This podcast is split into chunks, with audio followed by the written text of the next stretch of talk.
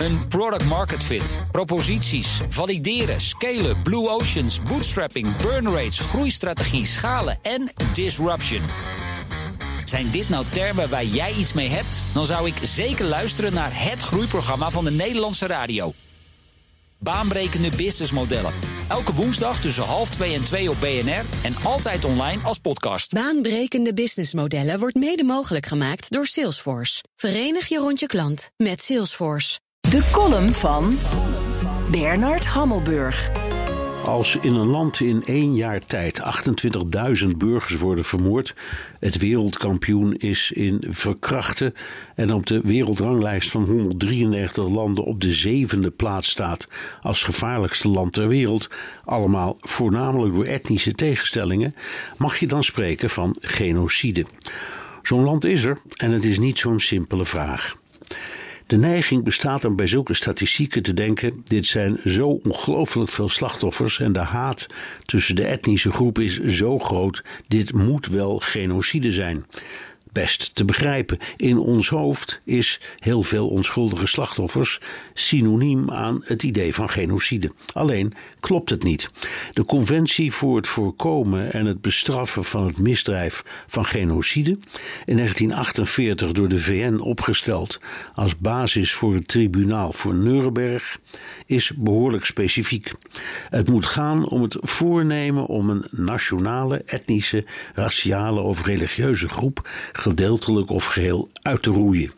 Het is dus logisch dat het internationale Hof van Justitie jaren nodig heeft om te bekijken of Israël in Gaza genocide pleegt. Simpel gezegd, is Israël uit op het vermoorden van zoveel mogelijk Palestijnen of voert het land een oorlog waarin heel veel burgers omkomen, maar niet omdat Israël daarop uit is.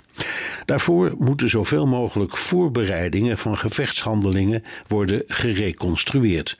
Commandanten houden doorgaans logboekjes bij waarin staat wat het doel is van de missie, hoeveel vijandelijke en eigen soldaten daarbij kunnen omkomen en wat de geschatte nevenschade is. Een vreselijk woord dat de dood van onschuldige mannen, vrouwen en kinderen betekent.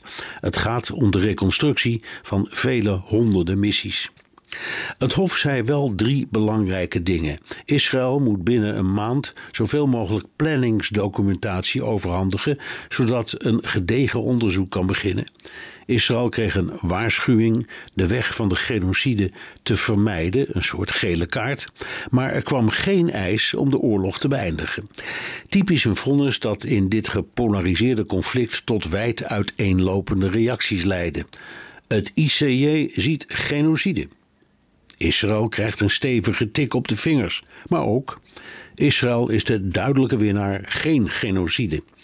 Je kan ook zeggen, het is maar wat je erin wilt lezen. Oh ja, dat land met die tienduizenden moorden en verkrachtingen, dat bestaat inderdaad echt. Het heet Zuid-Afrika. Product market fit, proposities, valideren, scalen, blue oceans, bootstrapping, burn rates, groeistrategie, schalen en disruption.